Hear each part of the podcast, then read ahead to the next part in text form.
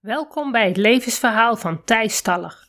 We beginnen bij het begin van zijn leven, waarin hij ontdekt dat hij hoogbegaafd is, maar ook in een hoogbegaafd gezin opgroeit. En uh, gaandeweg maken wij uitstapjes naar de invloed van het beelddenken en het taaldenken op cultuur, persoonlijke cultuur, persoonlijke ontwikkeling, maar ook uh, religie, uh, de, de, de cultuur van uh, de maatschappij. En gaandeweg zul je merken dat dat in zijn leven een hele grote rol heeft gespeeld. Gaandeweg zul je merken dat er in het verhaal een zodanige opbouw zit dat alles weer op zijn plek valt.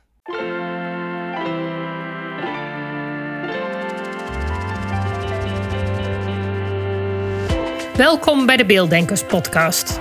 Ik ben Natasja Esmeijer van Beeldig Brein en de schrijfster van het boek Beelddenkers als kwartjes vallen. Ik neem jullie mee in de wereld van de beelddenkers. Beelddenkers zijn creatieve, intelligente en zorgzame mensen, maar ze hebben moeite met onze vluchtige, snelle maatschappij. Dat begint al op school en het werkt door in het werkende leven. Ik ga in gesprek met leerkrachten, ouders van beelddenkers en met de beelddenkers zelf natuurlijk.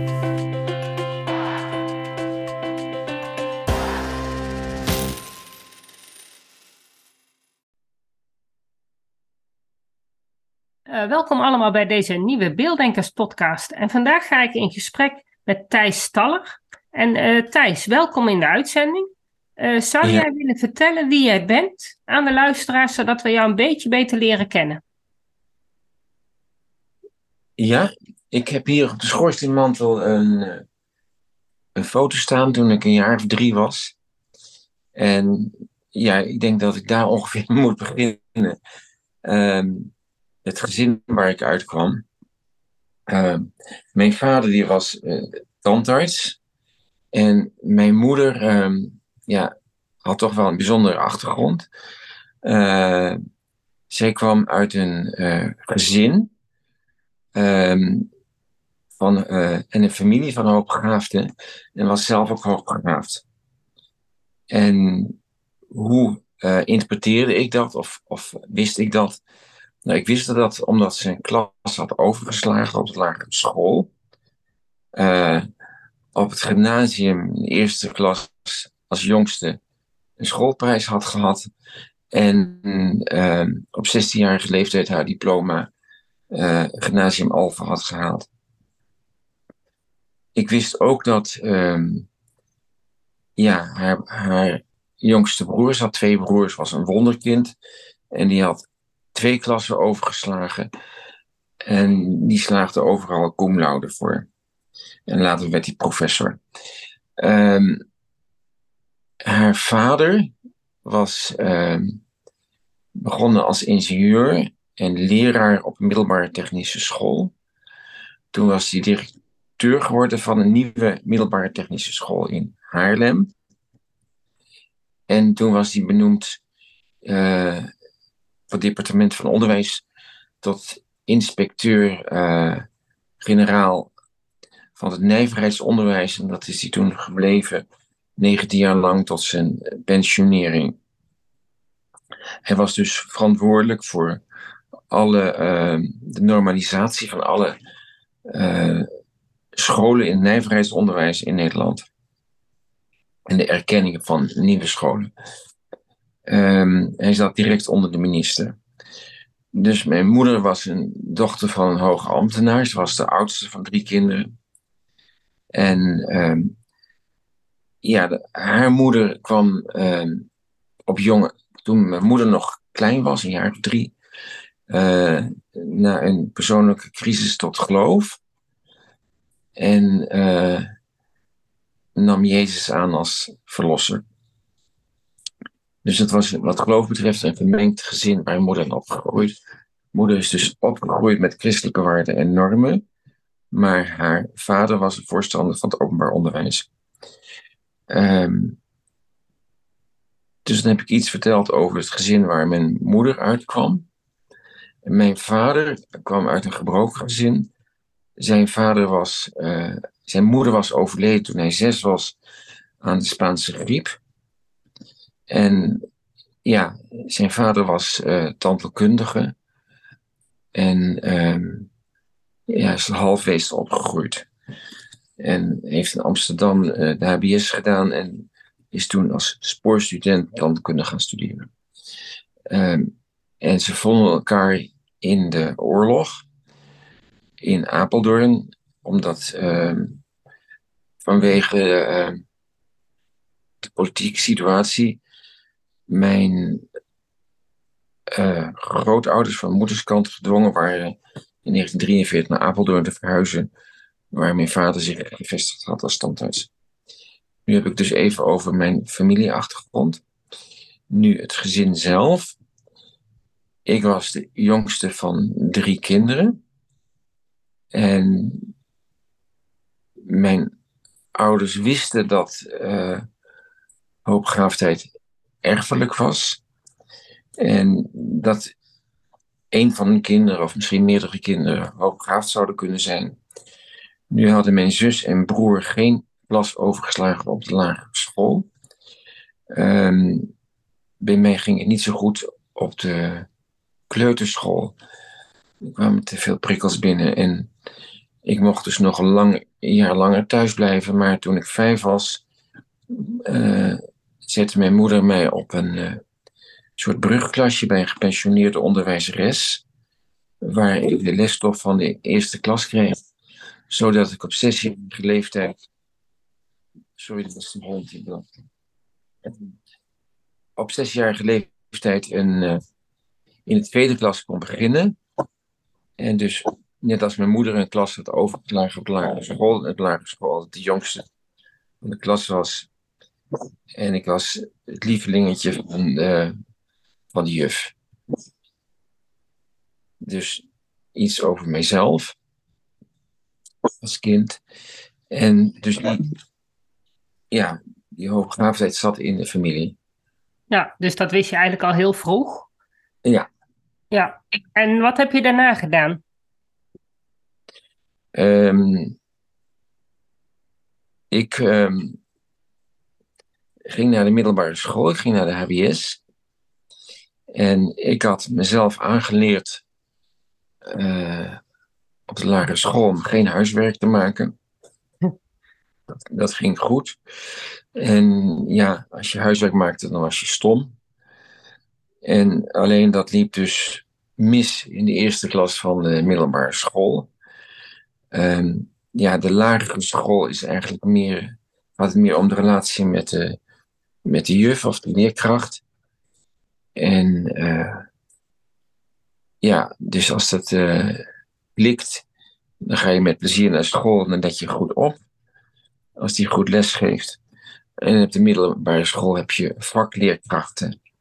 En uh, dan moet je, word je geacht te leren. Nou, als je leren ziet als een vorm van intelligentietest of je stom bent of niet.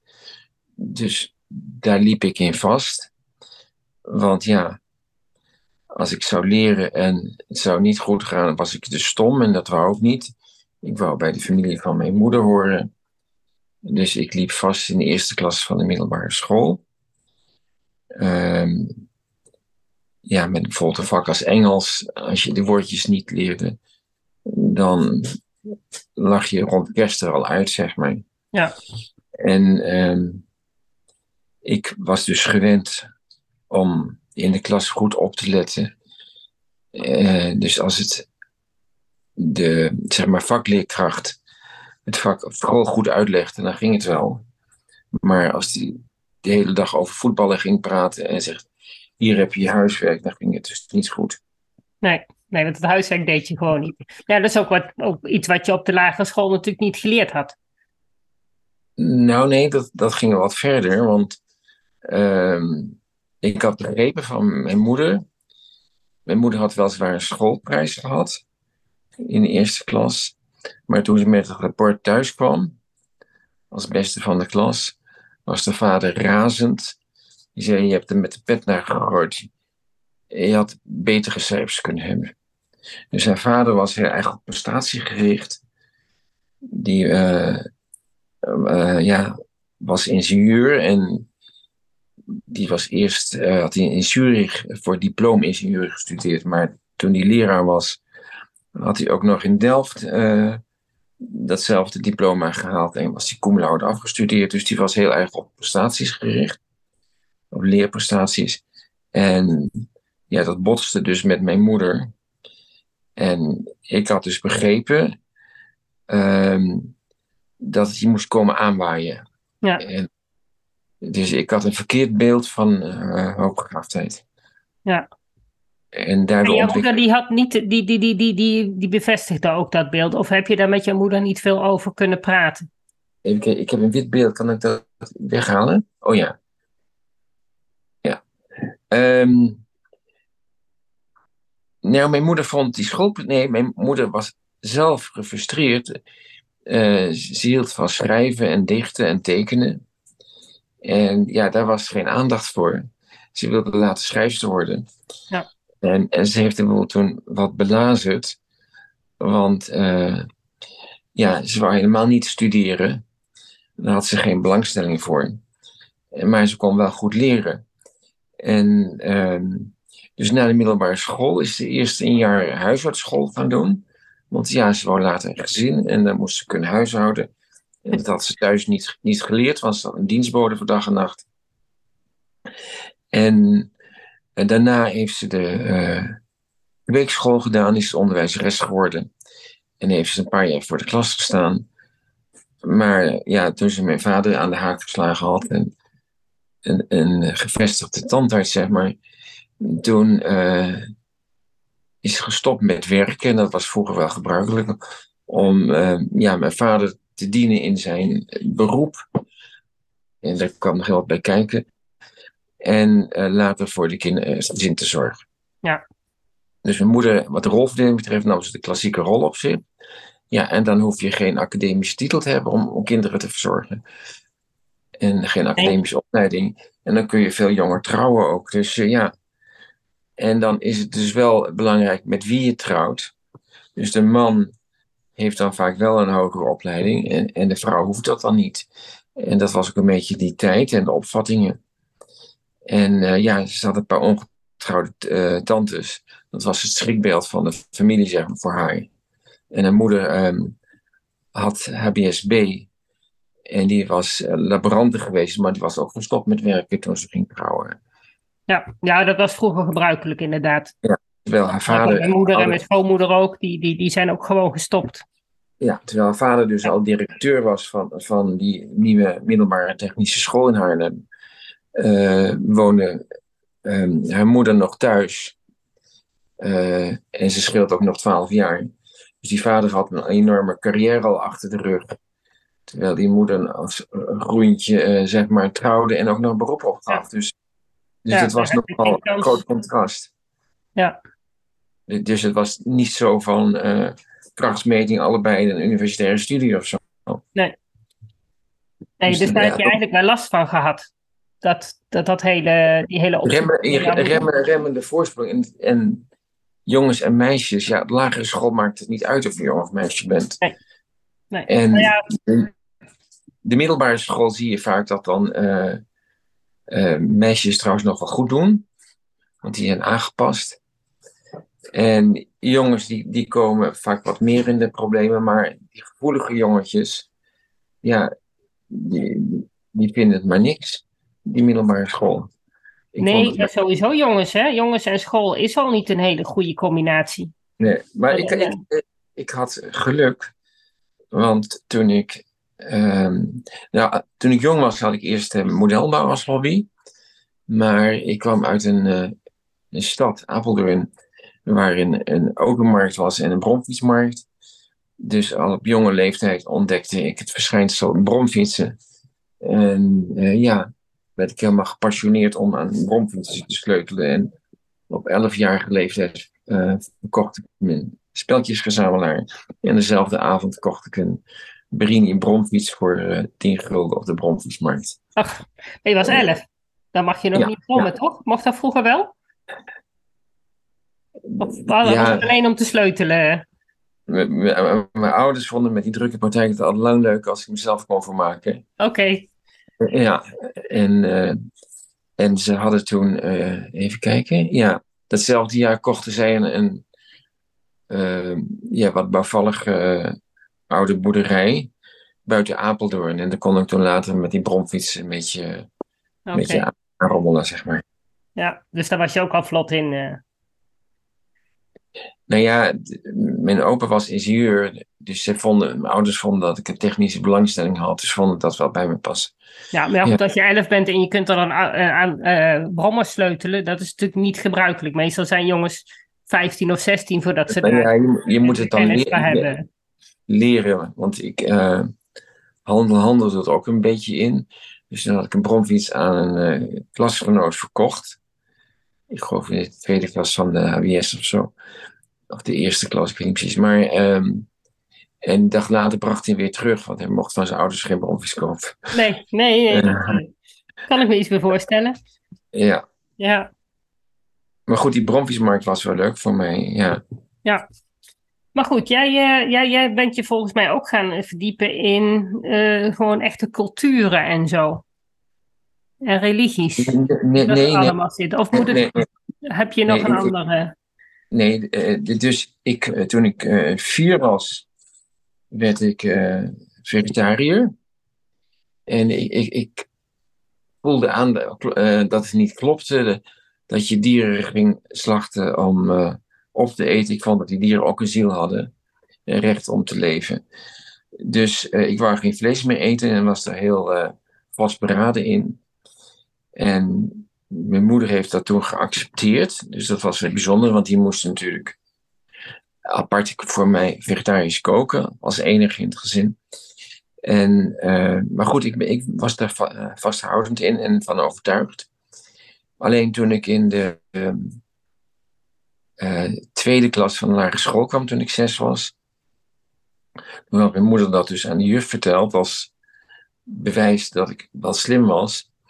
En eh juf had het verkeerd opgepakt, het was een christelijke lagere school. En die eh, probeerde mij te overtuigen dat de dieren geschapen waren om opgegeten te worden. Oh. Dus, ik, dus ik had een conflict met de juf.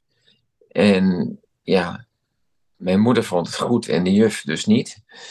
En die juf was verder wel lief en aardig, maar het was een streng christelijke school. Dus ik raakte wat in verwarring wat dat christelijk geloof betreft daardoor. En dat bleef. eh, terwijl ik wel dus die eh, persoonlijke verhalen mooi vond. Maar vond ik al dat, eh, ja, ja, offeren van dieren vond ik maar niks, zeg maar. En toen stuurden mijn ouders me naar een openbare middelbare school, want die, die was dichtbij, een HBS. En ja, ik vond het wel minder dan een christelijk, christelijk onderwijs. Maar ehm, ik kreeg in de derde klas kreeg ik godsdienstonderwijs. En toen ontdekte ik dat bij Oosterse religies, onder andere het Hindoeïsme, eh, er wel groeperingen waren die ook eh, ja, het vegetarisme aanhingen. En ook reïncarnatie trouwens.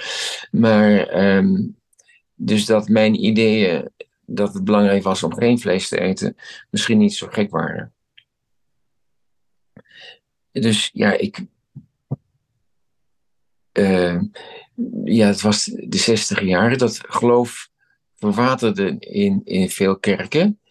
Eh, in, in, de, na, in de wederopbouw, toen het opbloeide met de economie, liepen de kerken leeg. En dat hing samen, denk ik, op de opkomst van de televisie en de ontzuiling. Dus je had eerst nog je eigen zeil, zeg maar, je eigen kerk, je eigen krant en je eigen school.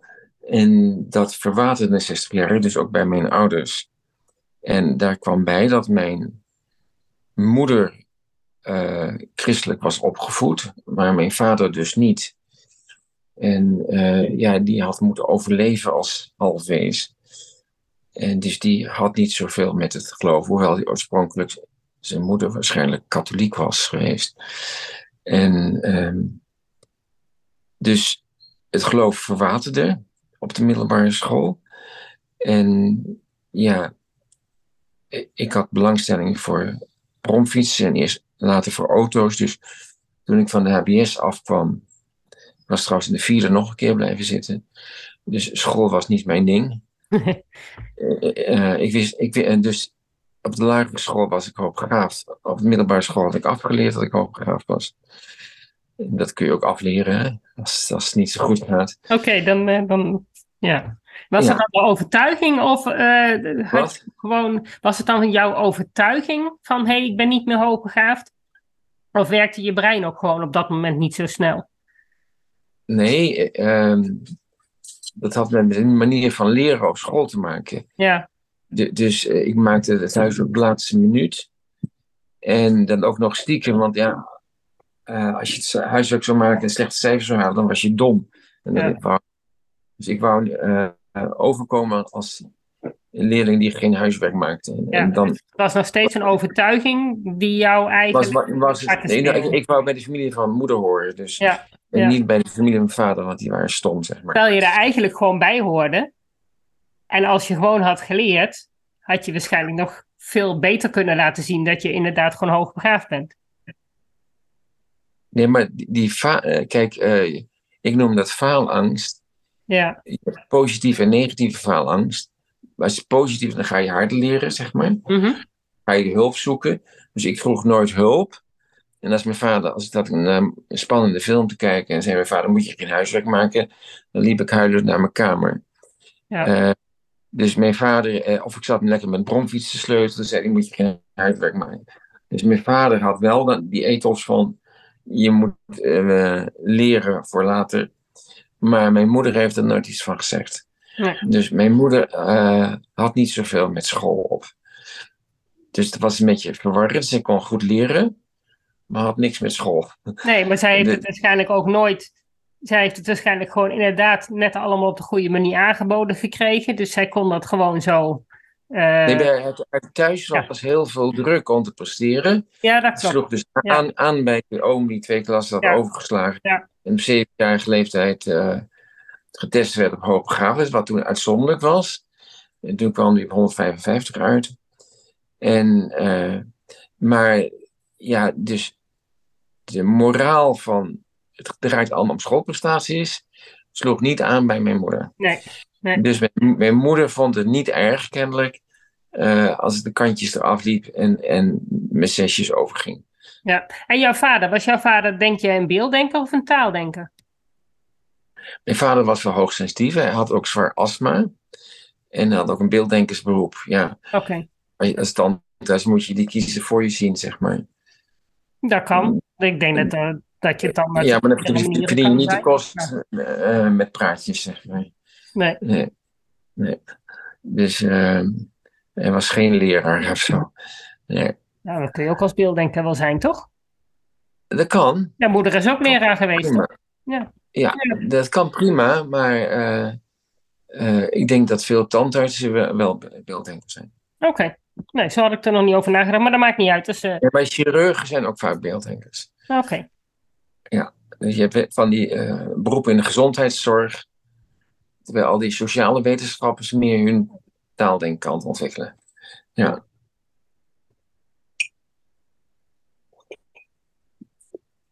Dus ehm, ja, de, de middelbare school ehm, was een drukke periode. Ehm, we woonden in de binnenstad. Dus verkeer werd steeds drukker in die tijd. Dus opkomst van de auto in de 60 jaren. Dus als je de 50 jaar kijkt, dan stond dat laantje.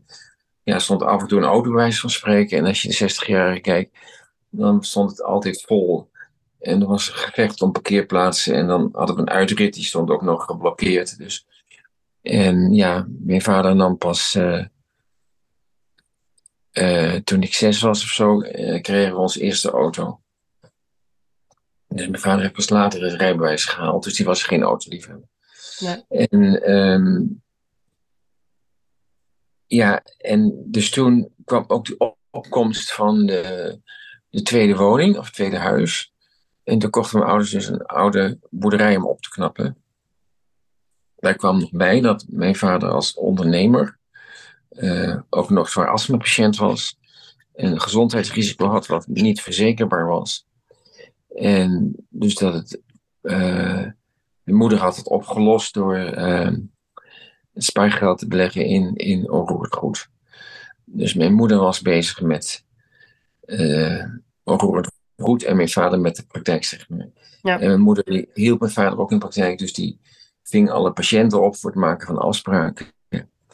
En deed alle boekhouding. Dus die was de financieel manager. En um, dus die aandacht ging ook naar uh, die boerderij. En uh, ik kon dan uit school kon ik naar die boerderij toe gaan en dan kon ik aan uh, die bromfietsen sleutelen. En op een gegeven moment werd ook de, de poes verbannen naar die boerderij, omdat mijn vader astma had. Dus die moest ik dan ook verzorgen. En um, ja, in, in, in, in vakanties en de weekenden waren we daar dan, zeg maar. En um, toen ik 15 was, toen kocht ik mijn eerste auto. Een oude Amerikaanse Buick Roadmaster uit 1956. 2300 kilo met een V8 5,3 uh, liter motor en een automaat. Dus ook niet de kleinste. Nee, nee. nee, nee en dan kun je ook zelf aan sleutelen waarschijnlijk. Ja, en ja, toen had je nog de um, opkomst van televisie. Uh, dan zag je de Amerikaanse films, vooral wat oudere films, zag je ook allemaal die grote Amerikaanse auto's nog. Dus, dus daar ging ook invloed van uit. En die had dan ook de, um, ja, de moord op Kennedy die kwam de huiskamer binnen om, omdat iedereen toen televisie had, zeg maar. Ja. En wij hadden toen ook net de televisie, dus mijn ouders hadden er lang mee gewacht. Maar uh, ja, ze vonden het niet leuk als ze altijd bij de overburen zaten televisie kijken. En um, dus ja, je moet wel de, bedenken dat die cultuur, uh, de naoorlogse wederopbouw, dus hard werken en geld verdienen, en uh, een tweede huis.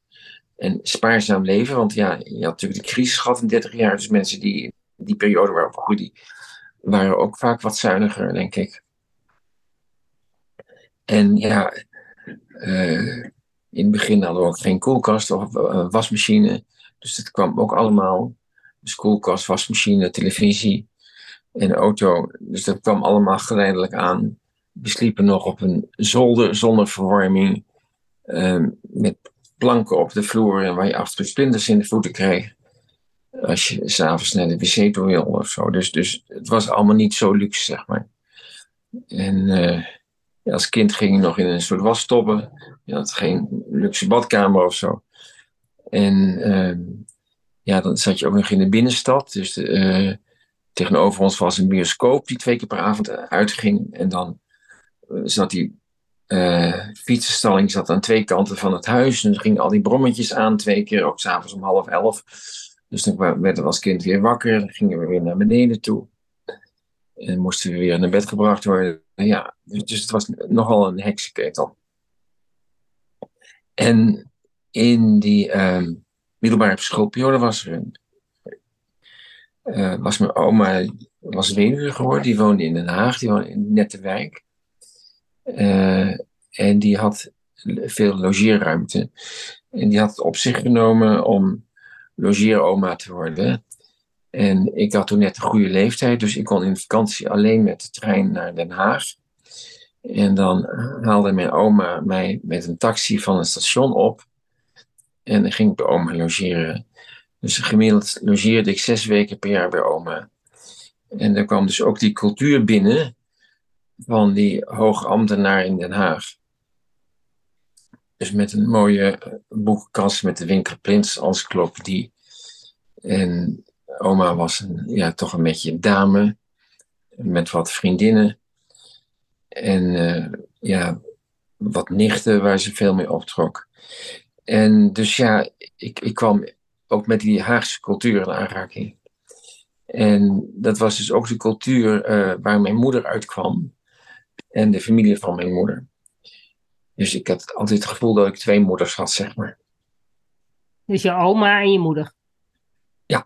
Ja. ja. En mijn vader was eigenlijk meer op de achtergrond. Die, die ja, was altijd aan het werken. Ook s'avonds nog was hij techniekwerk aan het doen. En uh, dus het gezin was bij elkaar als we naar die boerderij gingen. maar ja, mijn moeder was boven wat aan het rommelen. En mijn vader beneden, zeg maar. Dus, dus we woonden boven de praktijk.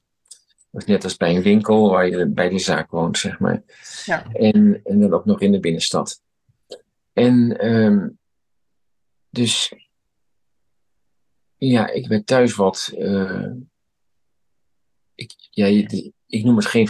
Je zou, je zou het verwaarlozen kunnen noemen, maar ik noem het geen verwaarlozen. Maar ja, ehm, Je kreeg ziet niet de vaak- aandacht die je nodig had. nou, je ziet vaak kinderen van artsen of, of eh, van huisartsen of van, van tandartsen of van ondernemers of winkeliers. Dat, eh, die er wat bij inschieten, zeg maar. Ja. En, en dat werd deels dus opgevangen door mijn oma. Want het was zo makkelijk als ik in een vakantie dan mijn oma kon logeren. En daar was geen huiswerk, geen druk van school. En dan kon je lekker gaan fietsen, naar het strand gaan of naar de bijenkorf. En dus dat, ja, dat waren hele mooie periodes. Ja. En toen had ik ook nog een eh, zoon van, niet de jongste broer, maar de, de oudste broer van mijn mo- eh, moeder, die eh, logeerde dan ook vaak bij oma. Die ouders waren gescheiden en dus ik had ook nog een speelkameraadje bij mijn oma. Dus, dus dat, dat was een hele mooie periode. Eh, mijn oma was dus, eh, toen mijn moeder drie was, eh, tot geloof gekomen. En die was altijd gelovig gebleven.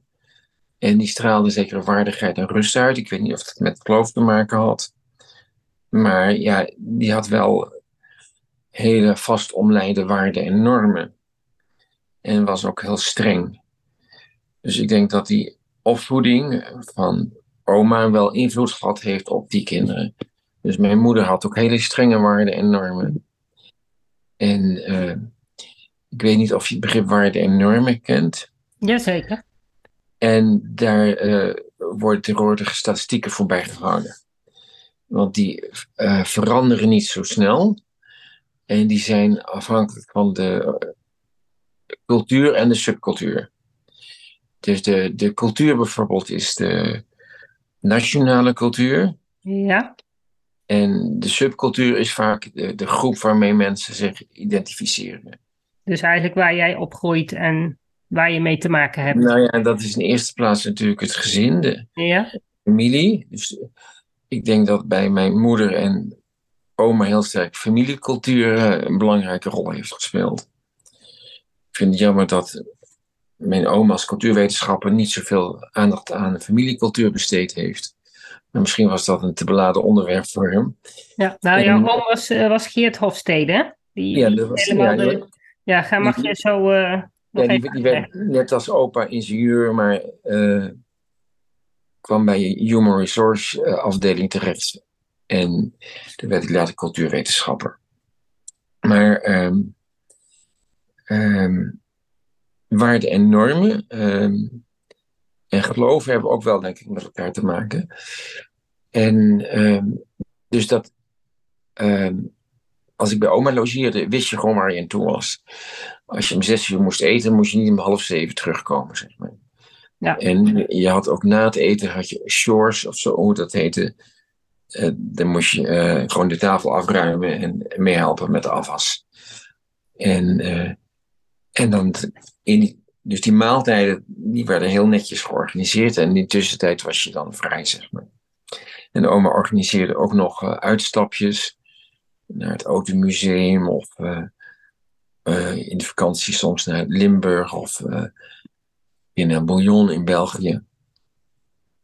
Dus ja, oma organiseerde ook dingen, zeg maar. Ja. En ik denk dat oma ook wel een bijzondere grootmoeder was voor mij. Ja.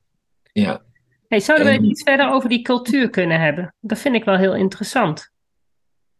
ja ehm, die, dan moet ik iets uitleggen over, over die theorie van mijn oom. Ja. Ehm, er, ehm, mijn oom die eh,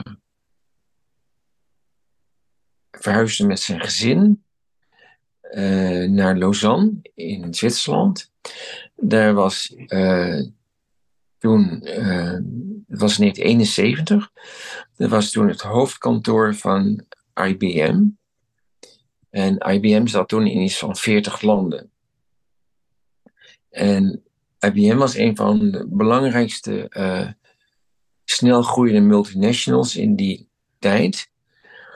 En die schakelde eigenlijk over van uh, kantoormachines, vooral uh, schrijfmachines en dat soort dingen, en naar computers.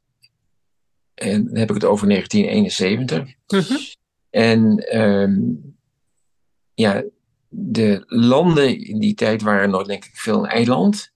Hoewel er wel al een Europese EEG was. EEG was er wel, ja. Gemeenschap was na de oorlog. Dus er was wel een economisch gebied een streven naar samenwerking. In Engeland lag er een beetje buiten. Dus dat was ook weer een andere cultuur, denk ik. En um, ja, er was een conflict, denk ik, tussen uh, mijn oom en de organisatie waar die werkte. Want uh, de Amerikanen hadden dus hun, de oorlog gewonnen en streden verder door de, uh, hun economisch systeem, hun managementcultuur, uh, ook in andere landen uit te dragen.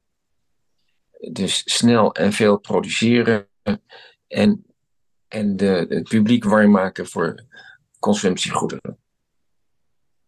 Dus die op, opkomende welvaart na de Tweede Wereldoorlog, um, ja, die had veel te danken, denk ik, aan die multinationals. Alleen die organisatieculturen werkten niet altijd goed samen met tussen verschillende landen. En uh, als human resource manager, um, als ingenieur, uh, ging mijn uh, oom uh, promoveren in Groningen in de sociale psychologie.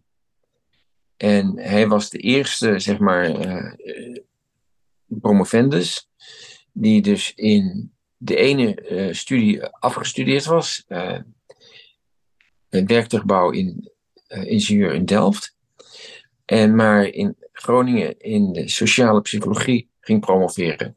Dat kon toen. Je kon in richting A -hmm. Ingenieur zijn, richting B doctorandus in de, uh, of dokter in de psychologie worden. Ja. Dus, dus hij studeerde sociale psychologie, of promoveerde in sociale psychologie. iets van budgeting of engineering, dus, dus van hoe beïnvloedt zeg maar je, uh, de groep waar je uitkomt je beslissingen. Dus sociale psychologie, ik zit er niet zo goed in, maar uh, de groep heeft invloed op je keuzes en je gedrag. Ja. Als je daarmee identificeert tenminste. Ja. En iedereen maakt natuurlijk deel uit van verschillende groepen. En uh, ja, je kunt je daarin aanpassen of je kunt daarin rebelleren of eigenwijs zijn. Maar goed, uh, uh, als je erbij wil horen, dan heeft dat invloed. Het kan ten koste van je eigen gezondheid gaan trouwens. Sommige mensen krijgen dan een burn-out of zo. Mm-hmm. Maar um, uh, hij deed daar onderzoek naar. En hij was nogal fanatiek in. En hij was volgens mij wel duidelijk een workaholic. Want op een gegeven moment ging het zo ver. Zijn oudste zoon die was toen elf of zo. En die zei: Papa, als je hiermee doorgaat. Hij was dus dat meer in de lucht dan op de grond. Hij ging dus al die 40 landen ook af om daar met het personeelshoofd uh, te overleggen. En uh, hij stuitte op de World Value Survey, die toen denk ik in opkomst was. Dus dat is een soort statistische meting van wat zijn de nationale waarden en normen. En ontdekte dat daar verschillen in zaten, afhankelijk van land, taal en cultuur. Dus Franse waarden en normen waren anders dan Duitse en Nederlandse weer anders en Zweedse weer anders. En, uh, dus die 40 landen uh, waar IBM in zat, dat gaf een enorme database. Toen dus uh, bij al, die 40.000 werknemers, of, of, hoeveel het er precies waren, het waren echt wel duizenden, uh, die lijst werd ingevuld. Nu weet ik niet helemaal of je kunt spreken van gemiddelde werknemer, maar je kunt wel spreken van mensen uit dat land en die cultuur. Ja. Ze hebben altijd allemaal dezelfde culturele achtergrond. Ja, en multinationals hebben dus eigenschappen uh, die uh, ja, een soort rijk vormen met een dominante cultuur. Dat was dus de Amerikaanse cultuur. En andere culturen. En uh, Geert of Geert wou dan eigenlijk een soort vredestichter worden tussen die verschillende culturen. En zijn eerste. Um, um, ja, hij ontwikkelde dan een model, zes dimensies, zoals uh, power distance of maxafstand. Nou, in sommige landen kon iemand op de werkvloer gewoon overleggen met de directie. In andere landen kon het totaal niet. En uh, collectivisme. Nou, in sommige landen was het belang van de groep belangrijker dan het individuele belang. In andere landen uh, was je goed bezig als je goed voor je individuele belang bezorgde. Dus onze westerse cultuur is vooral gericht op het individuele belang. Ja. En in Oosterse culturen groepsbelang, zeg maar. Dus ja, um, dat um, model wat hij ontwikkelde, um, hij had daar een soort, ja, uh, oh ja, IBM wou daar niet mee, mee verder gaan er kwam een nieuwe directeur en die zei, zei van ja, dat, dat uh, interesseert mij niet. Dat was kennelijk een echt Amerikaan.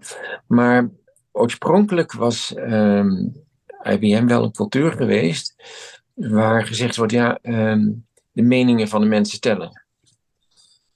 Alleen op managementniveau kon het nog wel eens verschillen van wie er aan de top zat. En um, dus hij is daar toen weggegaan uh, is bij een instituut gekomen wat daar research naar deed. Ik denk dat dat een instituut ook samenwerking met Harvard in, in Amerika. Dus er was toen een opkomst, denk ik, van het globalisme ook. En um, dat men dus, ja, na de oorlog dus um, geïnteresseerd raakte in hoe hoe landen konden uh, samenwerken op economisch gebied en qua productie. En uh, ja, dat, was, dat was, stond in de kinderschoenen. Maar het belangrijkste wat, wat Omgeert ontdekte was dat de cultuur stabieler was dan uh, directe aanpassing. Dus als iemand uit een bepaald land kwam, uh, Chinees kon nooit Nederlander worden. Nee, en, qua, eh, normen en waarden. Ja, en ja. Uh, waar komen die dan vandaan? Die komen uit het gezin en uit de verbale fase. Ik noem het even verbale fase, dat is nog voordat je leert lezen en schrijven, heb je, draag je eigenlijk al een cultuur in je. Die eerste vijf jaar eigenlijk van je leven.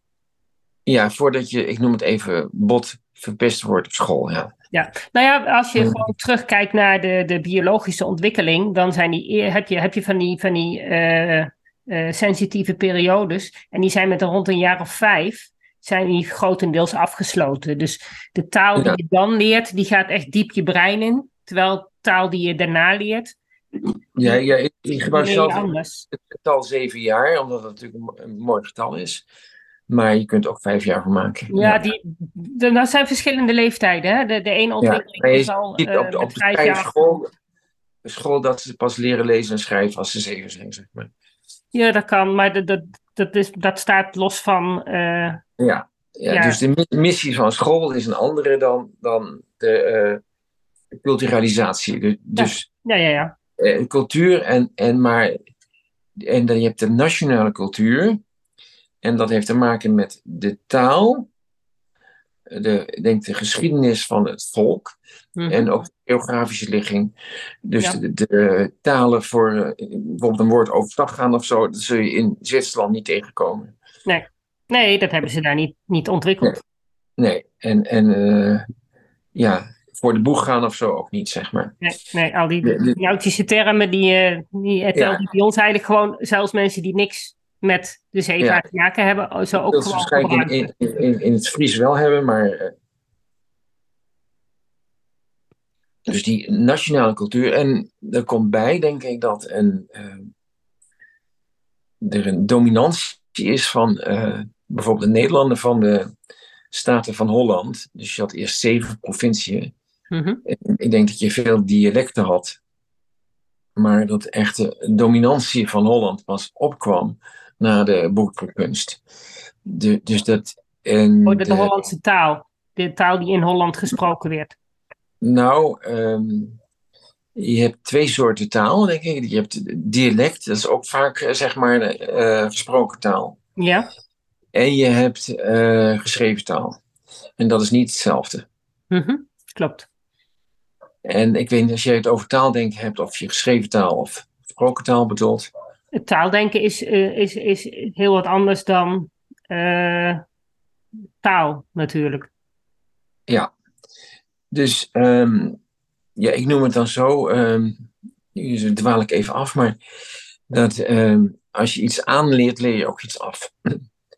Dus als je eh, kinderen hebt die een jaar of vijf, zes zijn en spontaan naar de lagere school gaan, of naar het basisonderwijs, en die komen daar dan af eh, als, als ze twaalf zijn, met zware boekentassen op de rug. En dan moet het de hele dag stilzitten. De- dus er verandert iets in die kinderen. En dan kun je dat positief noemen, omdat het dan nuttige burgers van de samenleving worden. Of je kunt het ook negatief noemen, omdat ze de creativiteit en speelsigheid verleren, zeg maar. Ja. Dus als je iets aanleert, leer je ook iets af. En ehm, ik denk dat dat bij ehm, taaldenkers die hebben, zijn onderwijsresistent, als ik het zo noem. Nou, ik denk dat het onderwijs vooral aansluit bij wat zij eh, nodig hebben. En dat het dus inderdaad minder eh, afleren is. En dat Nou ja, daarom moet het ook aansluiten bij het natuurlijke leerproces. Ja. Dat, dat, dat natuurlijke leerproces van taaldenkers, dat past gewoon beter bij het onderwijs zoals wij het geven. Ja, maar ik, jij, gebruikt het woord natuurlijke leerproces. En, Mhm. Ik bedoel eigenlijk dat ehm, elk kind, ook als je het niet naar school zou sturen en dan zou opgroeien in, op mijn part op een eiland of zo, Mhm. eh, dat het dingen zou ontdekken in de natuur, Ja. dieren, omgeving en nieuwsgierig zou zijn. Dus er is ook een natuurlijke eh, nieuwsgierigheid en leerbehoefte. Ja, maar En- dan als je helemaal teruggaat naar de taaldenkers en de beelddenkers, ook al zou je ze niet naar school sturen, zou een taaldenker anders met informatie omgaan dan een beelddenker. Die zou andere dingen leren op een andere manier Ja, dan de beelddenkers.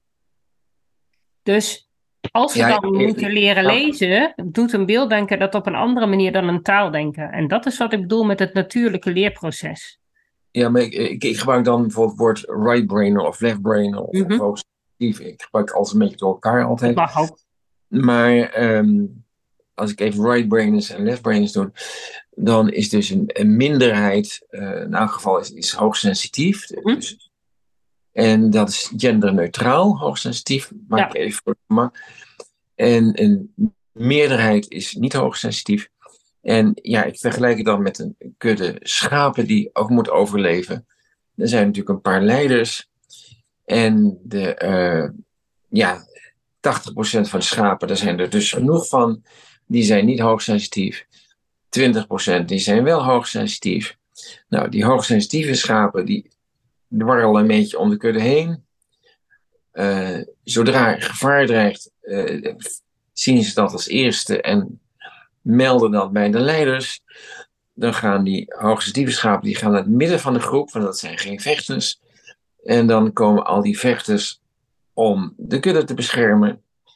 En die, ja, als daar eh 10% van sneuvelt is niet zo erg. Want er zijn er toch genoeg van. En er 70% over. Ja, ja. Ja. nee, maar dat is ook exact dus- wat ik bedoel, hè? Met Ja, dat dus. Het is gewoon een verschillende eh, eh, rol voor de groep als geheel om te overleven, zeg maar. Ja. Nee, dat, dat bedoel ik ook. Maar we moeten allemaal met, dat, met, met diezelfde eigenschappen. Ja. En, Ja, maar en- die, die leiders, die zijn natuurlijk Mhm. schapen. Ik weet niet of je er wel, wel eens over nagedacht hebt. Uh, Helene Aaron heeft in, in, in zo'n video over uh, hoogsensitiviteit gezegd: ja, er zijn ook honderd diersoorten waar hoogsensitiviteit is vastgesteld. Nou, dan, dan ga ik een stap verder en dan zeg ik ja. Zijn bij dieren natuurlijk ook hoogbegaafde dieren, zeg maar. Tuurlijk. En dus die, eh, bij die honderd schapen is bijvoorbeeld één schapen-echtpaar, zeg maar, waarvan de man, mannetje en vrouwtje allebei eh hoogbegaafd zijn. En dan is het ook nog zo, dus, dus die hoogbegaafden moeten beide kunnen. Dus die moeten kunnen communiceren met die taaldenkers, dus met die 80, Ja. en met die 20 gevoelige schapen, zeg maar. En ehm, dus, dus behalve dat het een of het andere, moet ook beide kunnen, zeg maar. Ja. En dan heb je ook nog dat er- hoogbegaafde echtpaar wa- wat kudde moet leiden. Ja, het is ook natuurlijk slimmer als er één sneuvelt, dat de ander het over kan nemen. Dus, dus in die kudde als geheel zijn ook nog die mannetje en vrouwtje uitwisselbaar als leider. Dat is mooi. Dat, eh, dat moeten we even Ja. Den Haag eh, melden. Ja, dus een of patriarchaat maakt dan niet zozeer uit, want het gaat om het geheel, zeg maar. Ja, dat is Ja. ook wat je in de, in de, in de eh, wereldpolitiek ziet. Dat in sommige landen vrouwen veel meer op een machtspositie kunnen komen dan in andere landen. Ja, dat heeft met cultuur te maken. Ja. Ja, maar we gaan even terug naar eh, cultuur. Ehm, dus cultuur wordt overgedragen de eerste, jij zegt vijf, maar ik zeg eerste zeven jaar van het leven, eh, thuis. Dus, dus het gezin is heel belangri- belangrijk Mhm. voor de culturalisatie. Dus wordt het aanleren van de gesproken taal. Ja. En eh, het is natuurlijk moeilijk als, als iemand doof is of zo. En dan moet dat hij dove taal moet leren, dus dat is ingewikkeld. En eh, blind is dan weer een andere zaak. Dat is meer voor school als probleem. Dat je dan braille taal leert. Maar dus dat gezin. En het gezin bestaat meestal uit een, een, een mannetje en een vrouwtje. En dan een paar kinderen, zeg maar. Dus siblings, is in het Engels. Mhm. En ehm, dus die kinderen leren dan ook van die, dat ouderpaar, bijvoorbeeld de, de rolverdeling. Maar die rolverdeling is natuurlijk niet. ehm, is natuurlijk veel flexibeler dan wij denken. Als je een, een, een boerderij hebt en ja, een, een van de ouders overlijdt dan en de andere kan het overnemen, de boerderij, met enige steun misschien, is dat natuurlijk veel handiger dan dat het hele systeem eh, sneuvelt als één van de twee sneuvelt. Ja. Dus die En- gedwongen afhankelijkheid lijkt me niet gezond, zeg maar. En eh, dus ik denk ook het, het, het gezin waar ik zelf uitkwam, dat mijn vader die had zo zwaar astma dat moeder dacht toen wij jong waren dat hij niet ouder dan 50 zou worden. En eh, dus mijn moeder hield daar rekening mee. En dus en als hoogbegaafde jonge vrouw eh, ja, voelde ze veel eh, verantwoordelijkheidsgevoel voor het gezin om, om dat eh, eh, in veilige banen te leiden. En trouwens, mijn vader is nog 81 geworden en, Oh, en, en is tot zijn dood door blijven werken. Ja, en, ehm, maar goed, dat weet je natuurlijk niet. op- dat weet je niet van tevoren, nee. Nee, Nee. nee, nee, nee. Ook al ben je hoogbegaafd, je kunt nog steeds niet in die glazen bol kijken. Nee. En, eh, maar goed, eh, dus de gezin. En wat ik ook ontdekt heb, is dat. ehm, ik dwaal ik weer even af, maar wat ik ontdekt heb, is dat je. eh, die- als je. Ja, haal ik toch even het woord Hebreeuwse cultuur en eh, Griekse cultuur, zeg maar. Griekse cultuur is rangen en standen en prestaties, academische wereld. En Hebreeuwse cultuur is relaties en. Dus familierelaties en, en uh, stambomen, zeg maar. En in de Hebreeuwse cultuur vraag je, wie ben je? En dan zeg je, ik ben de zoon van de visserman of ik ben de zoon van de magistraat of hoe dan ook. Dus dan verwijs je naar de cultuur waarin je opgroeit. Ja. En in de uh, westerse cultuur dan zeg je ja, ik ben uh, ingenieur, ik ben directeur of zo. Mhm. Dus dan verwijs je naar de opleiding en, en, en de baan en de positie. Dus er zit een duidelijk verschil in denken tussen dat uh, Hebreeuwse denken, Ja. wat right brain thinking is, en tussen dat Griekse denken, wat onderwijs gekoppeld is. En um,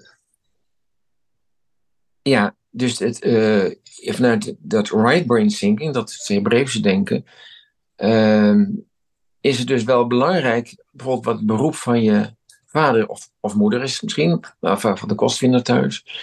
Uh, want dat bepaalt de cultuur waar je in opgroeit. Dus, dus of die vader altijd aan het werk is, of er een bedrijf aan huis is, uh, of er veel klanten over de vloer komen, of de telefoon altijd gaat, en uh, of er haast is omdat een klant geholpen moet worden, of hoe dan ook. De hele sfeer thuis wordt bepaald door het beroep, zeker bij mijn, geval, waar mijn vader tandarts was en ook s'avonds gebeld werd of in het weekend. En mijn vader altijd klaar moest staan voor zijn patiënten. Tenminste, dat vond hij. En ja, als iemand kiespijn heeft, dan stuur je hem niet weg. En dus, dus dat is, is een cultuur waar ik in opgroeide. En uh, ja, daar kwam nog bij dat een, uh, ja, een kerk ook een groep is. Mm-hmm. Uh, gebruiken het woord kerk als, als gebouw of als genootschap, maar ik, ik zelf gebruik liever een sociaal woord, een groep. En in die groep heb je bepaalde opvattingen. En die opvattingen gaan over het gezin en relaties, zeg maar. En uh, de culturen uh, ontwikkelen zich ook, zeg maar. Je hebt eerst een agrarische cultuur gehad, toen had je de industrie uh, tijdperk, zeg maar. En nu heb je de informatica tijdperk. Of informatietijdperk. Ja. En dus, dus die culturen veranderen, maar dat gaat geleidelijk aan. Ja, maar ik denk wel dat de basis blijft staan. De, de, dus als je naar de, de Joodse of de Hebreeuwse uh, cultuur kijkt, die basis blijft wel staan. Er verandert wel wat, maar ik denk ja, dat ja, ja, maar, de waarde je, niet zomaar verandert. Bij die, nu, nu stap ik even terug naar de Hebreeuwse cultuur. Als je even kijkt naar de, de Torah, waarin die is ontstaan, dan kijk ik even terug naar uh, het Joodse volk, het volk Israël. Dat leeft in slavernij. Nou, slavernij betekent dat er dus een andere cultuur overheerst en een leider daarvan. Dus het Romeinse Rijk is natuurlijk ook slavernij, zeg maar. En uh, dat je je eigen cultuur niet mag uh, beleven. Dus toen dat volk in de woestijn kwam, toen was het natuurlijk geen koning, maar een profeet. En Mozes was dan de profeet. En dat volk was dus gewend om in slavernij te leven. Dus dat was de cultuur waarin het volk leefde, dat was slavernij. En het duurde 40 jaar voordat de slaaf uit de cultuur was, zeg maar. Ja. Dus die zat nog in het hart, zeg maar. Ja. En dus die onderwerping zat nog in dat hart. Dus men, men wou eigenlijk terug naar Egypte, want daar had men het beter dan in de woestijn. En in die woestijn was men afhankelijk van ja, de regen, van het, ik noem het liever wildernis dan woestijn, mm-hmm. en, en, en, en, voedselbronnen. En dus die profeet was afhankelijk van leiding van God om daar leiding te geven aan dat volk om te overleven. Dus dat was een profetische cultuur en niet een koningscultuur, zeg maar. En die profeet, die uh, was dus heel erg afhankelijk van God. En uh, er was ook een taal, zeg maar het Hebreeuws. En in die taal kreeg hij de Torah door. En die Torah, dat was dus dan de taal van God op dat moment. En dat was een, taal die totaal anders is dan uh, het Grieks en Latijnse schrift wat wij gebruiken in, wat wij op school leren, zeg maar, dit alfabet. Ja. Dus dat Hebreeuwse alfabet, dat, dat elke letter is een uh, verhaal die slaat op het dagelijks leven van dat nomadenvolk. Dus je vindt daarin terug de symbolen van een tent, van een os, en, en die je dus, uh, waar je dagelijks mee te maken hebt. Dus uh, die beeldentaal die erin zit, is helemaal niet zo abstract. Is dus heel concreet. Maar als je dus die taal leest van rechts uh, naar links, ik denk mm -hmm. trouwens dat het ook vanuit intuïtie, vanuit de Heilige Geest met de linkerhand geschreven is. Dat zou heel goed kunnen. Ja, en dus die, dat schrijven met de rechterhand is om de buitenwereld vast te leggen en aan te sturen. Dat is de wetenschap, zeg maar. Maar dat geloof is leven vanuit het hart, zeg maar. En uh, vanuit de intuïtie, vanuit de, geest van God, zeg maar. Dus um, ja, dwaal ik even af. Uh, het is ooit onderzoek gedaan naar uh, bepaalde behandelmethoden bij zware epilepsiepatiënten, waar links en rechts niet synchroniseerden, werd de corpus callosum, de hersenbalk, doorgesneden. En toen ontstonden er eigenlijk twee personen, een left brainer en een right brainer, in, in één lichaam. En de right brainer die geloofde in God en de left brainer niet. Nee, oké. Okay. Ja. Ja, nou, ik geloof wel dat daar, daar, daar zit wel verschil in, inderdaad. Ja, ja. en dus, dus dat geloof is meer gekoppeld aan het beelddenken en... Uh, ja, taaldenken, beredeneren. Ja, ja, de taaldenken zit meer in de linkerkant. In de, in de linkerkant zit ook een klok en de rechterkant niet. Nee. Er zit geen klok, zeg maar. Dus, dus die beelddenkers die komen altijd te laat. Ja, nou, dat kan wel kloppen, ja. Of ja. helemaal te vroeg, omdat ze echt niet op tijd willen, echt niet te laat willen komen. Dat kan ook nog. Maar dat, dat is ook, ook een groep die meestal op het laatste nippertje of te laat komt, inderdaad. Ja, want, want on, pas onder druk schakel je om ja. naar dat uh, angstbrein, zeg maar. Ja. Ja, ja. En dus, uh, maar goed, even, even terug naar die ja? cultuur. Uh, naast cultuur moet je altijd natuur zetten. En natuur is de aanleg van iemand. Mm-hmm. Je kunt je afvragen of dus uh, beelddenker aangeboren is, beelddenker zijn, of dat het aangeleerd is. En je kunt afvragen of hoogsensitief aangeboren of aangeleerd is. En je kunt afvragen of hoogbegaafd aangeleerd of aangeboren is. Als ik even voor het gemak zeg dat uh, hoogbegaafdheid, beelddenken en hoogsensitiviteit een cluster is, die gekoppeld is aan de rechter hersenen en dat het aangeboren is. Mm-hmm. Dan zijn we het eens. Dat wil niet zeggen dat je het niet kunt blokkeren. Mm-hmm. Als je je onveilig voelt, dat je dus dan uh, blokkeert, zeg maar. Dat je dan heel erg in, door die stress. Ja, dat zijn gewoon andere hersenprocessen die dingen ja, ja dus die, ja. left brain, dat is fear brain, dat is het masculine brein, noem ik dat. En de rest, rechter hersenen noem ik de feminine brein. Ja. Maar dat is genderneutraal. En dat kan veel mensen boos maken. Nee, maar ja, maar dat, dat, klopt, want het is niet zo. Het, het heeft niks met uh, gender te maken of je een linksbrein of een rechtsbrein hebt. Er zit nee. qua, qua aanleg wel iets verschil. Maar ja, maar het heeft wel heel veel met, met, met, met, cultuur te maken. Uh, of er uh, geaccepteerd wordt dat je uh, toegeeft aan die gevoelige kant. Ja. Of dat je vindt dat je je stoer moet gedragen, zeg maar. Mm. Dus, ja. de, dus ehm, wat mij laatst opviel was dat bij, um, dwaal ik weer even af, maar ik werd als jonge leeftijd vegetariër en toen mijn jongste dochter besloot om veganistisch te gaan eten, toen uh, heb ik me daarin verdiept. En zeg ik, ik doe mee. Dus toen ben ik nog overgestapt naar, naar uh, om veganist te worden, een jaar of vijf geleden. Maar wat mij dus opviel, als je kijkt naar de genderverdeling onder veganisten, de meeste veganisten zijn hoogsensitief. Um, nu doe ik even een statement, maar je mag het Mm, controleren. Maar eh, dan blijkt dat driekwart van de veganisten zijn vrouwen of, me- of meisjes. En driekwart van één kwart is, is maar mannen. Terwijl dus in die hoogsensitiviteit er evenveel zijn. Ja. Zie je in ui- uiting dat drie keer zoveel vrouwen dus eh, ja, Ja, prima je vinden op meer vlakken hoor. als ze hoogsensitief zijn. Terwijl dus maar één kwart van de mannen dus in onze cultuur Ja. eh, ervoor uitkomt hoogsensitief te zijn.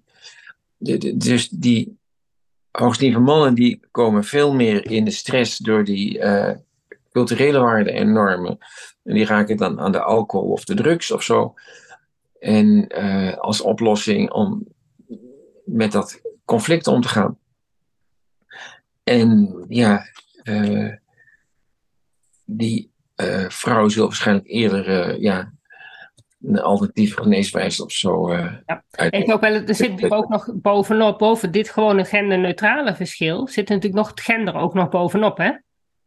Dus dat je als vrouw vanwege de, gewoon het ontbreken van testosteron toch een ander brein ontwikkelt dan een man met wel testosteron. Daar zit ook Ik denk wel dat een vrouw, een ook wel testosteron kan aanmaken hoor. Jawel, maar niet zoveel als een man. Ja, maar je, je kunt dus als vrouw in je jeugd, zeg maar, zodanig eh, beschadigd zijn. Dat je dus in de overlevingsstand komt. Mhm. En dat je dan, eh, ja, een hele agressieve feministe Dat wordt. Ja, ja, dat kan. Dat, daar zitten zo ongetwijfeld ook. En, en per, onder de vrouwen en onder de mannen zitten ook grote verschillen.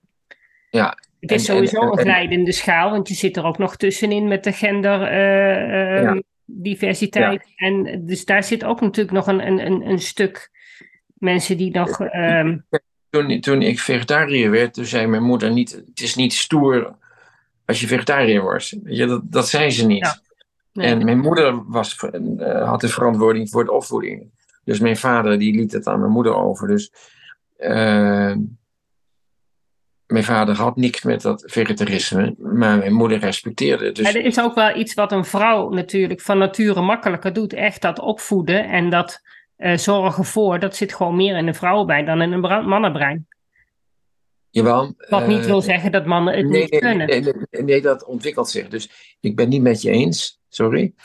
Eh, dat ontwikkelt zich en dat is ook cultureel bepaald. Het is cultureel bepaald, maar het, zit, Ja. het is ook biologisch bepaald. Door de testosteron, dat daar, Ja, daar zitten echt ja, verschillen in, het, in het brein.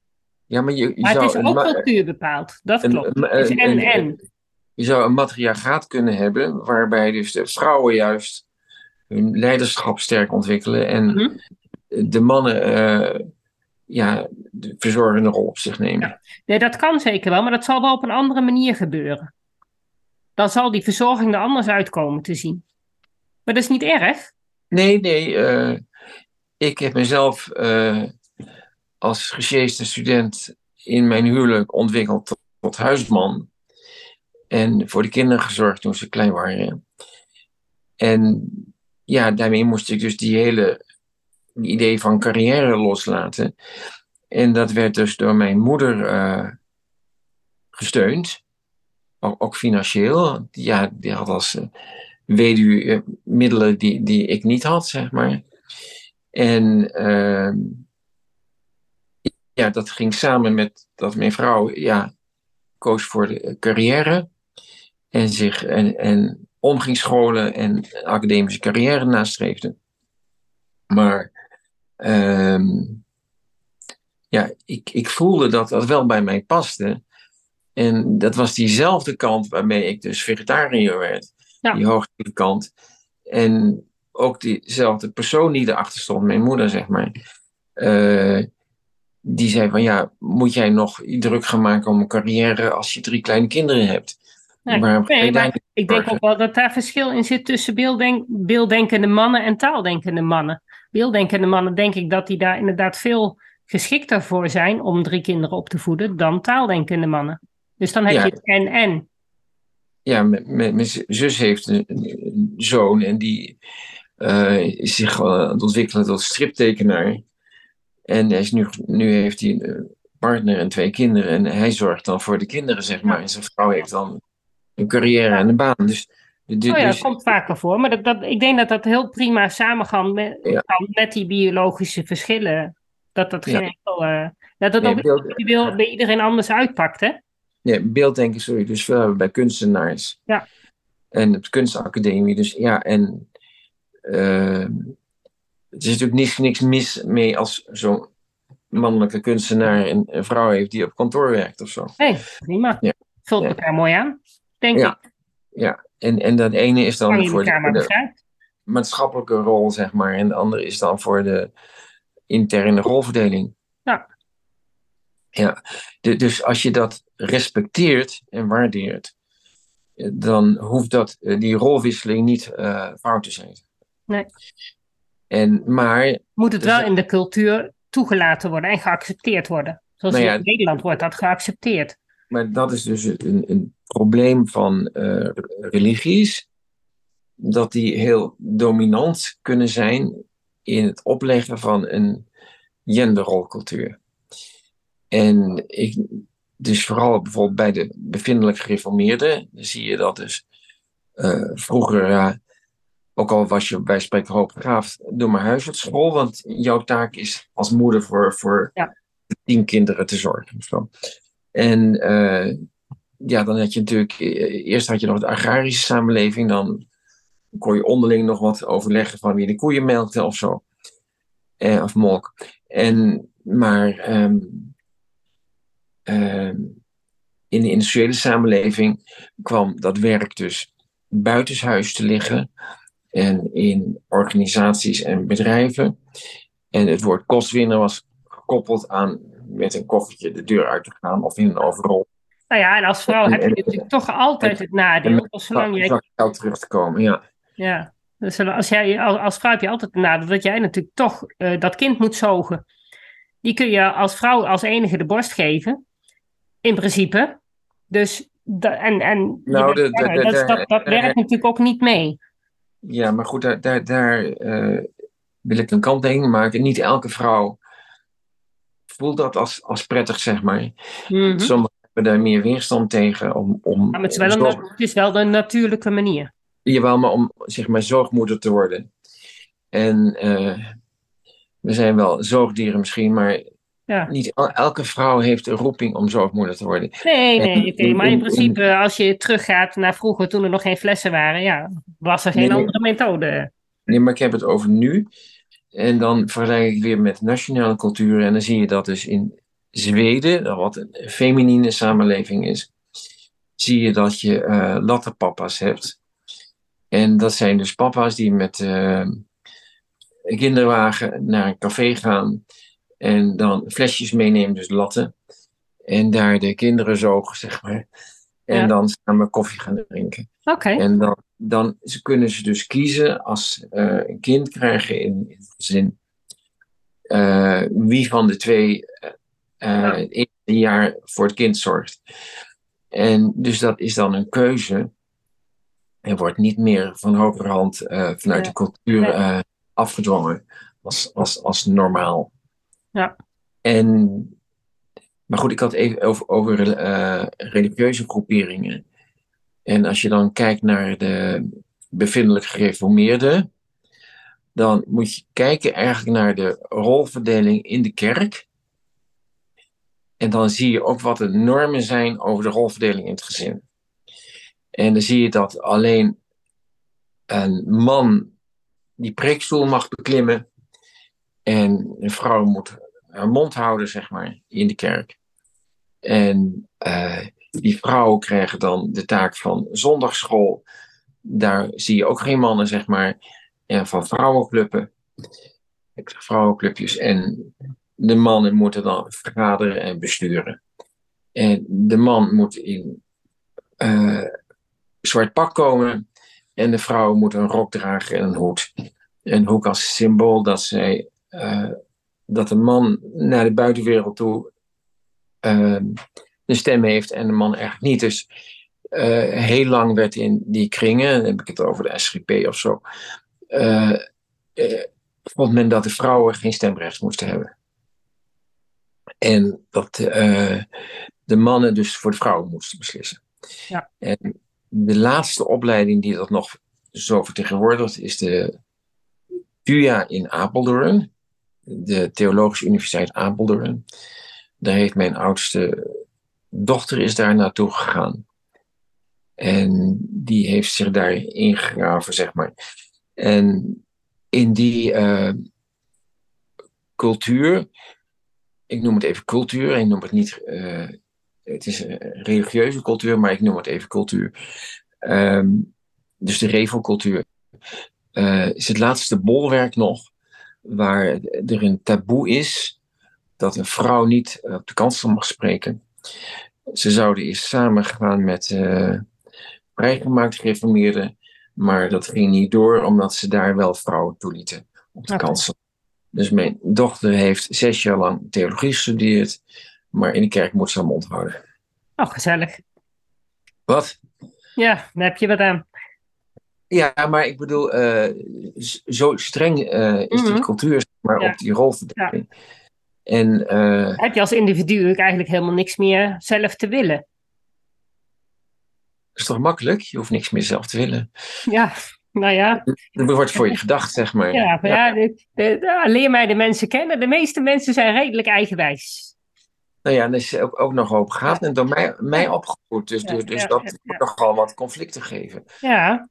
En hoe gaat ze dat oplossen? Wat? Hoe gaat ze dat oplossen?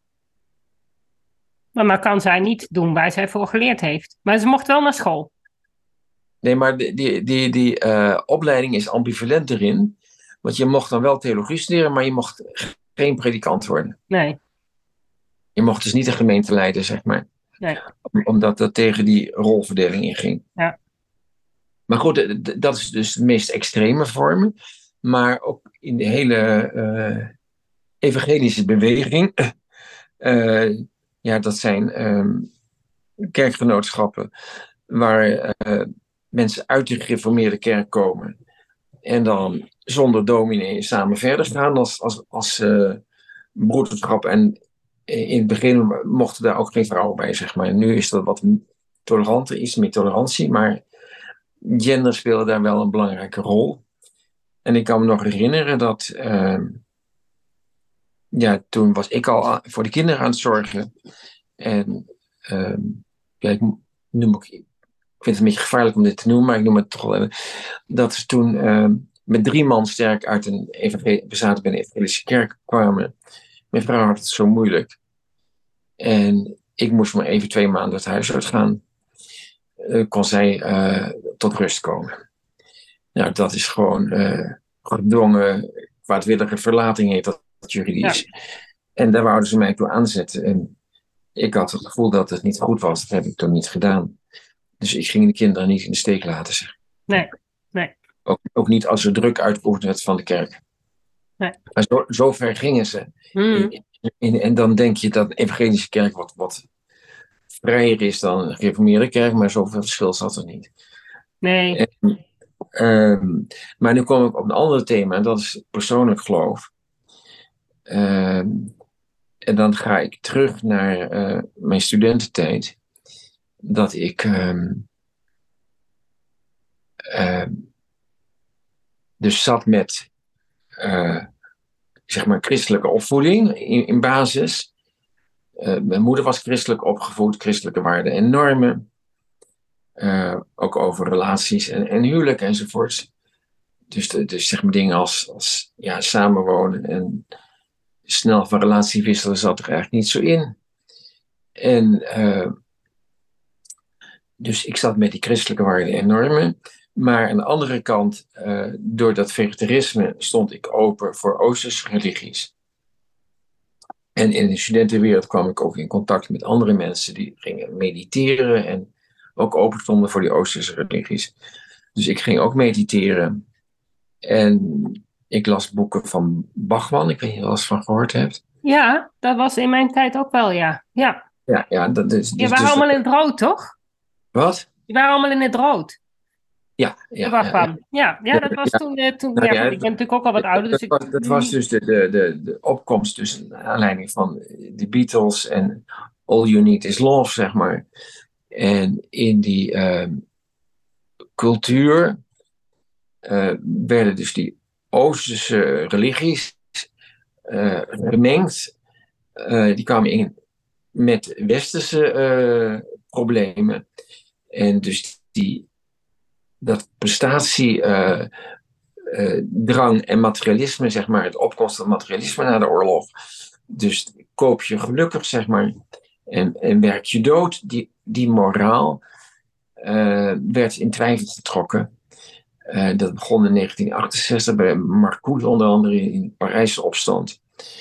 En uh, in de 70 jaar had je dan die hippencultuur, zoals uh, film Herbie, ik weet niet of je die kent. Daar zie je ook zo'n hippie scène in voorkomen. Maak je niet druk. Uh, het gaat om de liefde en de bloemetjes, zeg maar. Ja. En alleen in die hippiecultuur werd dus de vrije seks gepredikt dat de seksuele revolutie achter de rug met, na de komst van de pil. En daar kwam weer een reactie op vanuit christenen. En je zou kunnen zeggen, je had op een gegeven moment hippie-christenen. Dus die waren wel voor uh, regels wat betreft uh, seksuele omgang, relaties, huwelijk en gezin. Maar verder waren ze, wel ze open voor, voor uh, bijvoorbeeld meditatie of zo. Dus wel dus de innerlijke wereld. Uh, dus ik, ik kwam in Groningen in aanraking met die ja, hippiecultuur. En, um, en ging mediteren en las boeken van Bachman.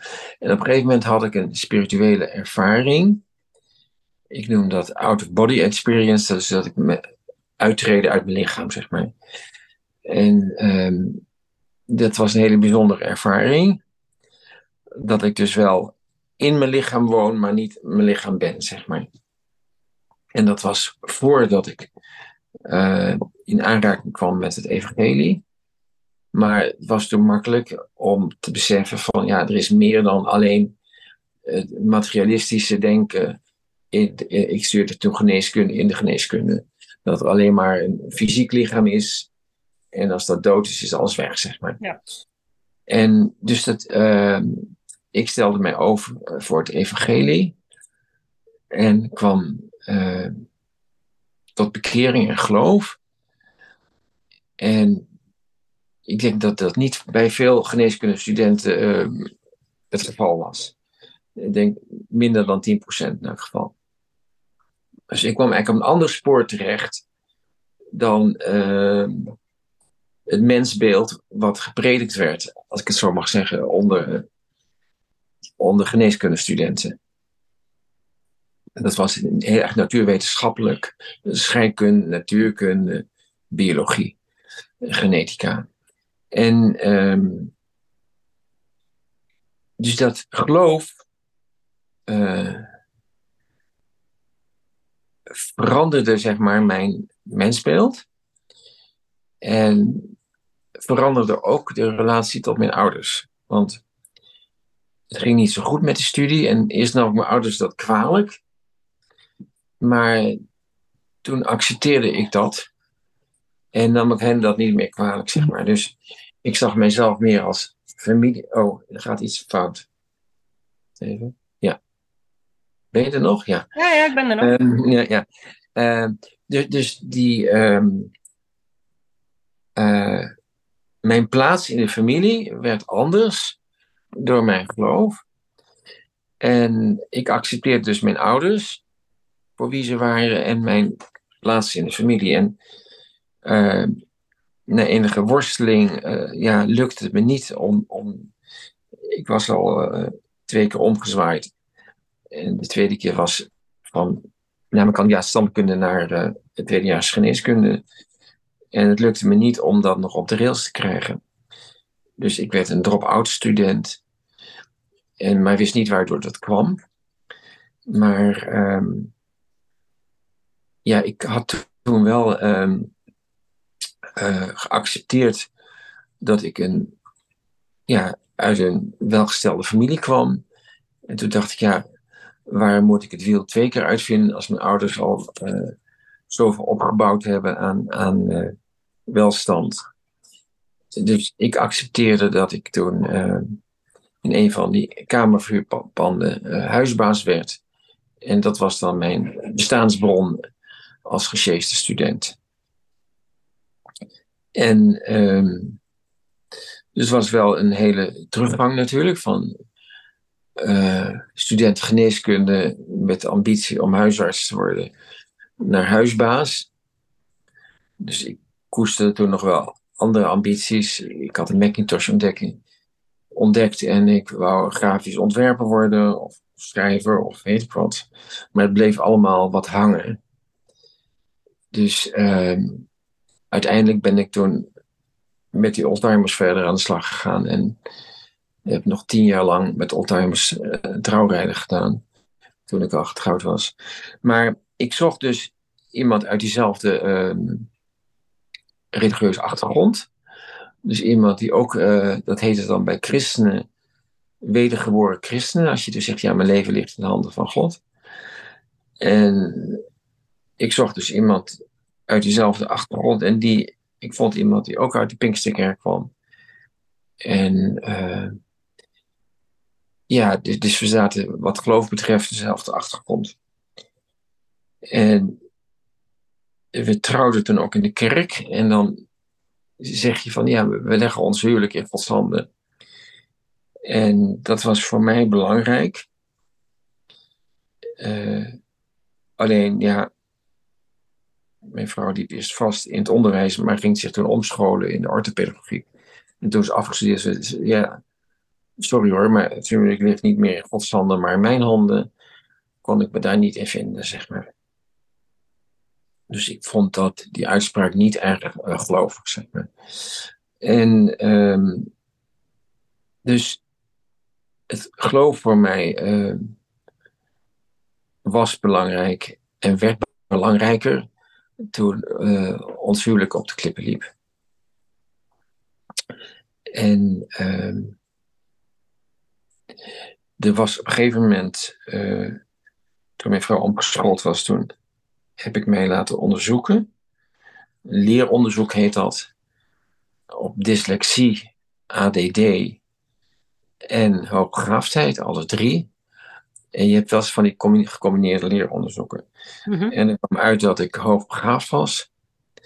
En ik snapte dat het verband niet tussen het vastlopen in academische setting en hoogbegaafd zijn. En dat heeft dan ook een term, dat heet dan onderpresteren. En dat voelt eigenlijk heel raar. Dat je slimmer bent en daardoor vastloopt. En daarom noem ik het ook liever niet uh, slimmer zijn en vastlopen. Dus het gaat niet om die IQ, maar het gaat om, om dat beelddenken. Ja. Dat je and, andersdenkend bent. En dan kom ik aan titel van mijn boek, Allemaal Andersdenkenden. En ik gebruik dan liever de term andersdenken. Dat is dus een bestaand woord in het Nederlandse vandalen, zeg maar. Uh, dus dat je als beelddenker andersdenkend bent. En dat je dus als hoogbegaafd ook andersdenkend bent. En dat viel me dus ook aan mijzelf op. Als een situatie uh, veranderde, kon ik daar nooit direct op reageren. Maar moest ik dat integreren in het geheel. Dus, dat, dus dat maakte, ik maakte mezelf daar lastig mee. Mm-hmm. Maar zo zat ik in elkaar. Dus ik, ik wou al dit verband met het geheel zien. Dat heet dan weer holistisch denken, zeg maar. En ik snapte al die veranderingen die zo, zo kwamen omdat mensen dat handig vonden. Dat snapte ik niet. Uh, want ik, ik wou het in verband brengen met het geheel, zeg maar. Dus ik maakte het mezelf moeilijk daardoor. En uh, ik had het heel moeilijk toen mijn vrouw ging scheiden en die instanties inschakelde om de rollen om te draaien. Dus om werkende moeder te worden. Uh, en de kinderen aan mijn gezag te onttrekken. Dus dat heeft heel veel strijd opgeleverd. Uh, tussen mij en die instanties, zeg maar. En uh, dus allerlei instanties. Heb ik dus over uh, bureau jeugdzorg.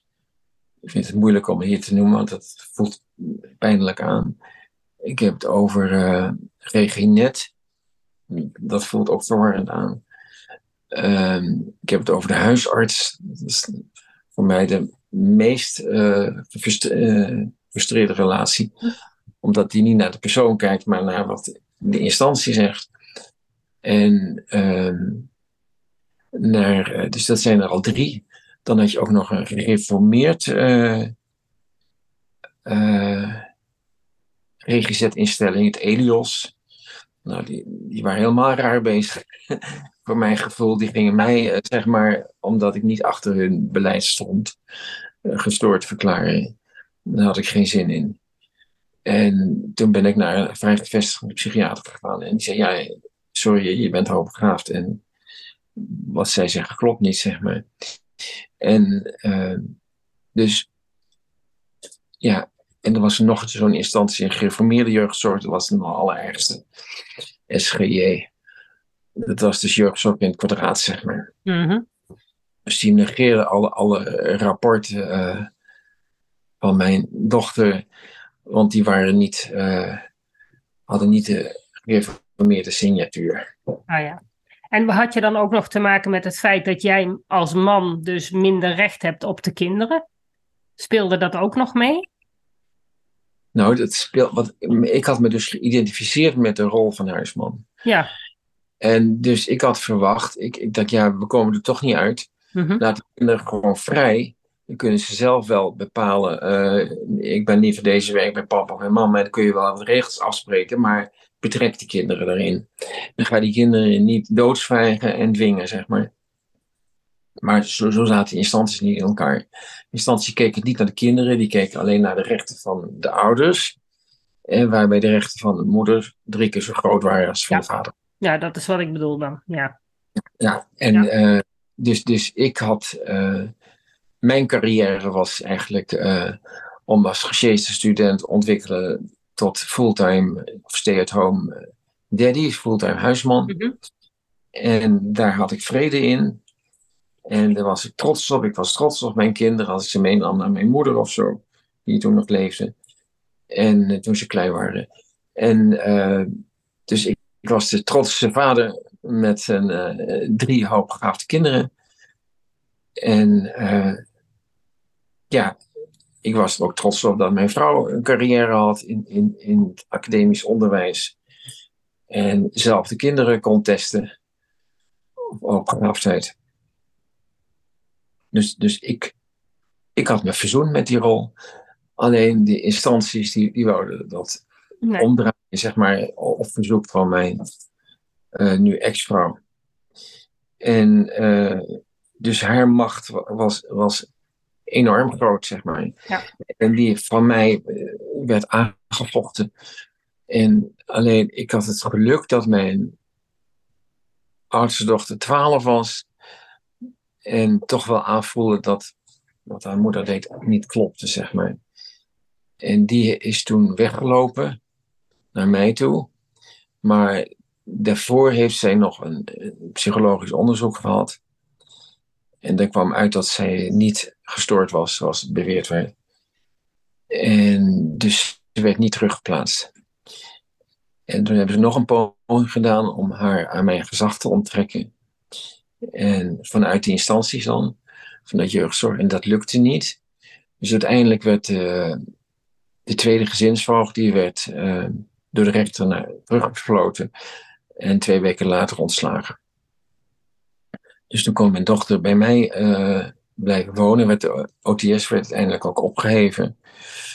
Dus die oorlog had eigenlijk geen zin gehad. Ja, en toen brak de hel los. Hè. Toen ging de kerk zich ermee bemoeien. Ah ja, ja. Dat, dat was voor mij de hel. De kerk was de hel. Sorry dat ik het zeg. Ja. Tenminste, wat, die, wat die kerk deed, uh, uh, was echt verschrikkelijk, zeg maar. En uh, ja, die willen hun, gelijk halen. En ja, die, die hebben niks met gezonde psychologische kennis. En, maar, dus gelukkig waren de hulpverleners betrouwbaar genoeg om, om de zaak weer terug te draaien, zeg maar. Na die crisis. En toen ehm, gebeurde er een wonder eigenlijk. En dat was dat ik eh, in 2016 via christelijke wetingsuit uh, verloofd raakte. Ik was binnen een maand verloofd, wat nogal snel was. En alleen mijn verloofde zag het toch niet zitten, maakte het weer uit. En dat had een enorme impact op mij. En toen ontdekte ik dat ik hoogsensitief was. En dat knalde er zo uit dat ik vanaf die tijd ook die hoogsensitiviteit uh, zie bij andere mensen. Dus soms iemand op stationsstraat, uh, stations uh, rondstaat of op, uh, bij de tramhalte of zo, dan zie ik het al, zeg maar. Of, of in de bibliotheek of in het park. Ja. Dat voel ik gewoon aan dan. En het, zeg maar, het klopt dan in 80% van de gevallen ook. Ja. En ja, hoe dat kan, weet ik niet. Maar ja, mensen zijn niet allemaal hetzelfde. En sommige verschillen kun je dus ik wel aanvoelen. En uh, dus die hoogsensitiviteit is, is bij mij toen heel erg. Uh, ik heb toen ook uh, coaching gezocht daarvoor. Heb ik dus sterk ontwikkeld. En 2019 was ik naar een dag over Hooggraafte.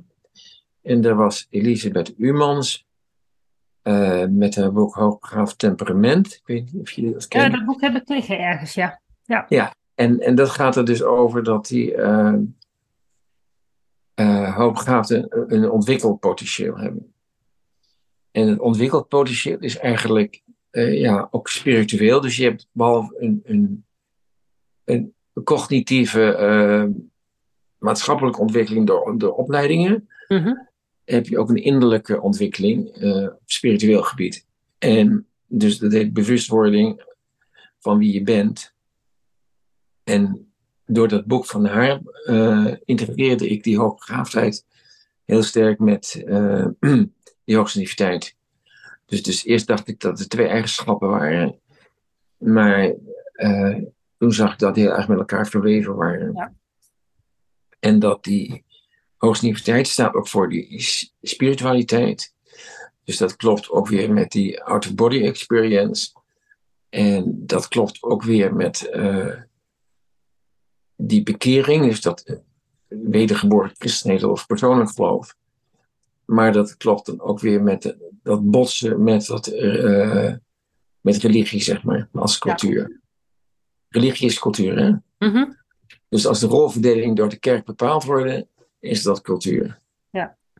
Dan is, is dat niet uh, natuur, zeg maar. Nee. Hey, wij moeten het wel een beetje gaan afronden. Ja. De, de, de, dus uh, je kunt best een hooggestieve man hebben die huisman wordt en, en mm -hmm. een vrouw die een carrière heeft. Daar is niks mis mee. Nee. En, uh, maar als je dat op gaat leggen vanuit de kerk, dan krijg je rare toestanden.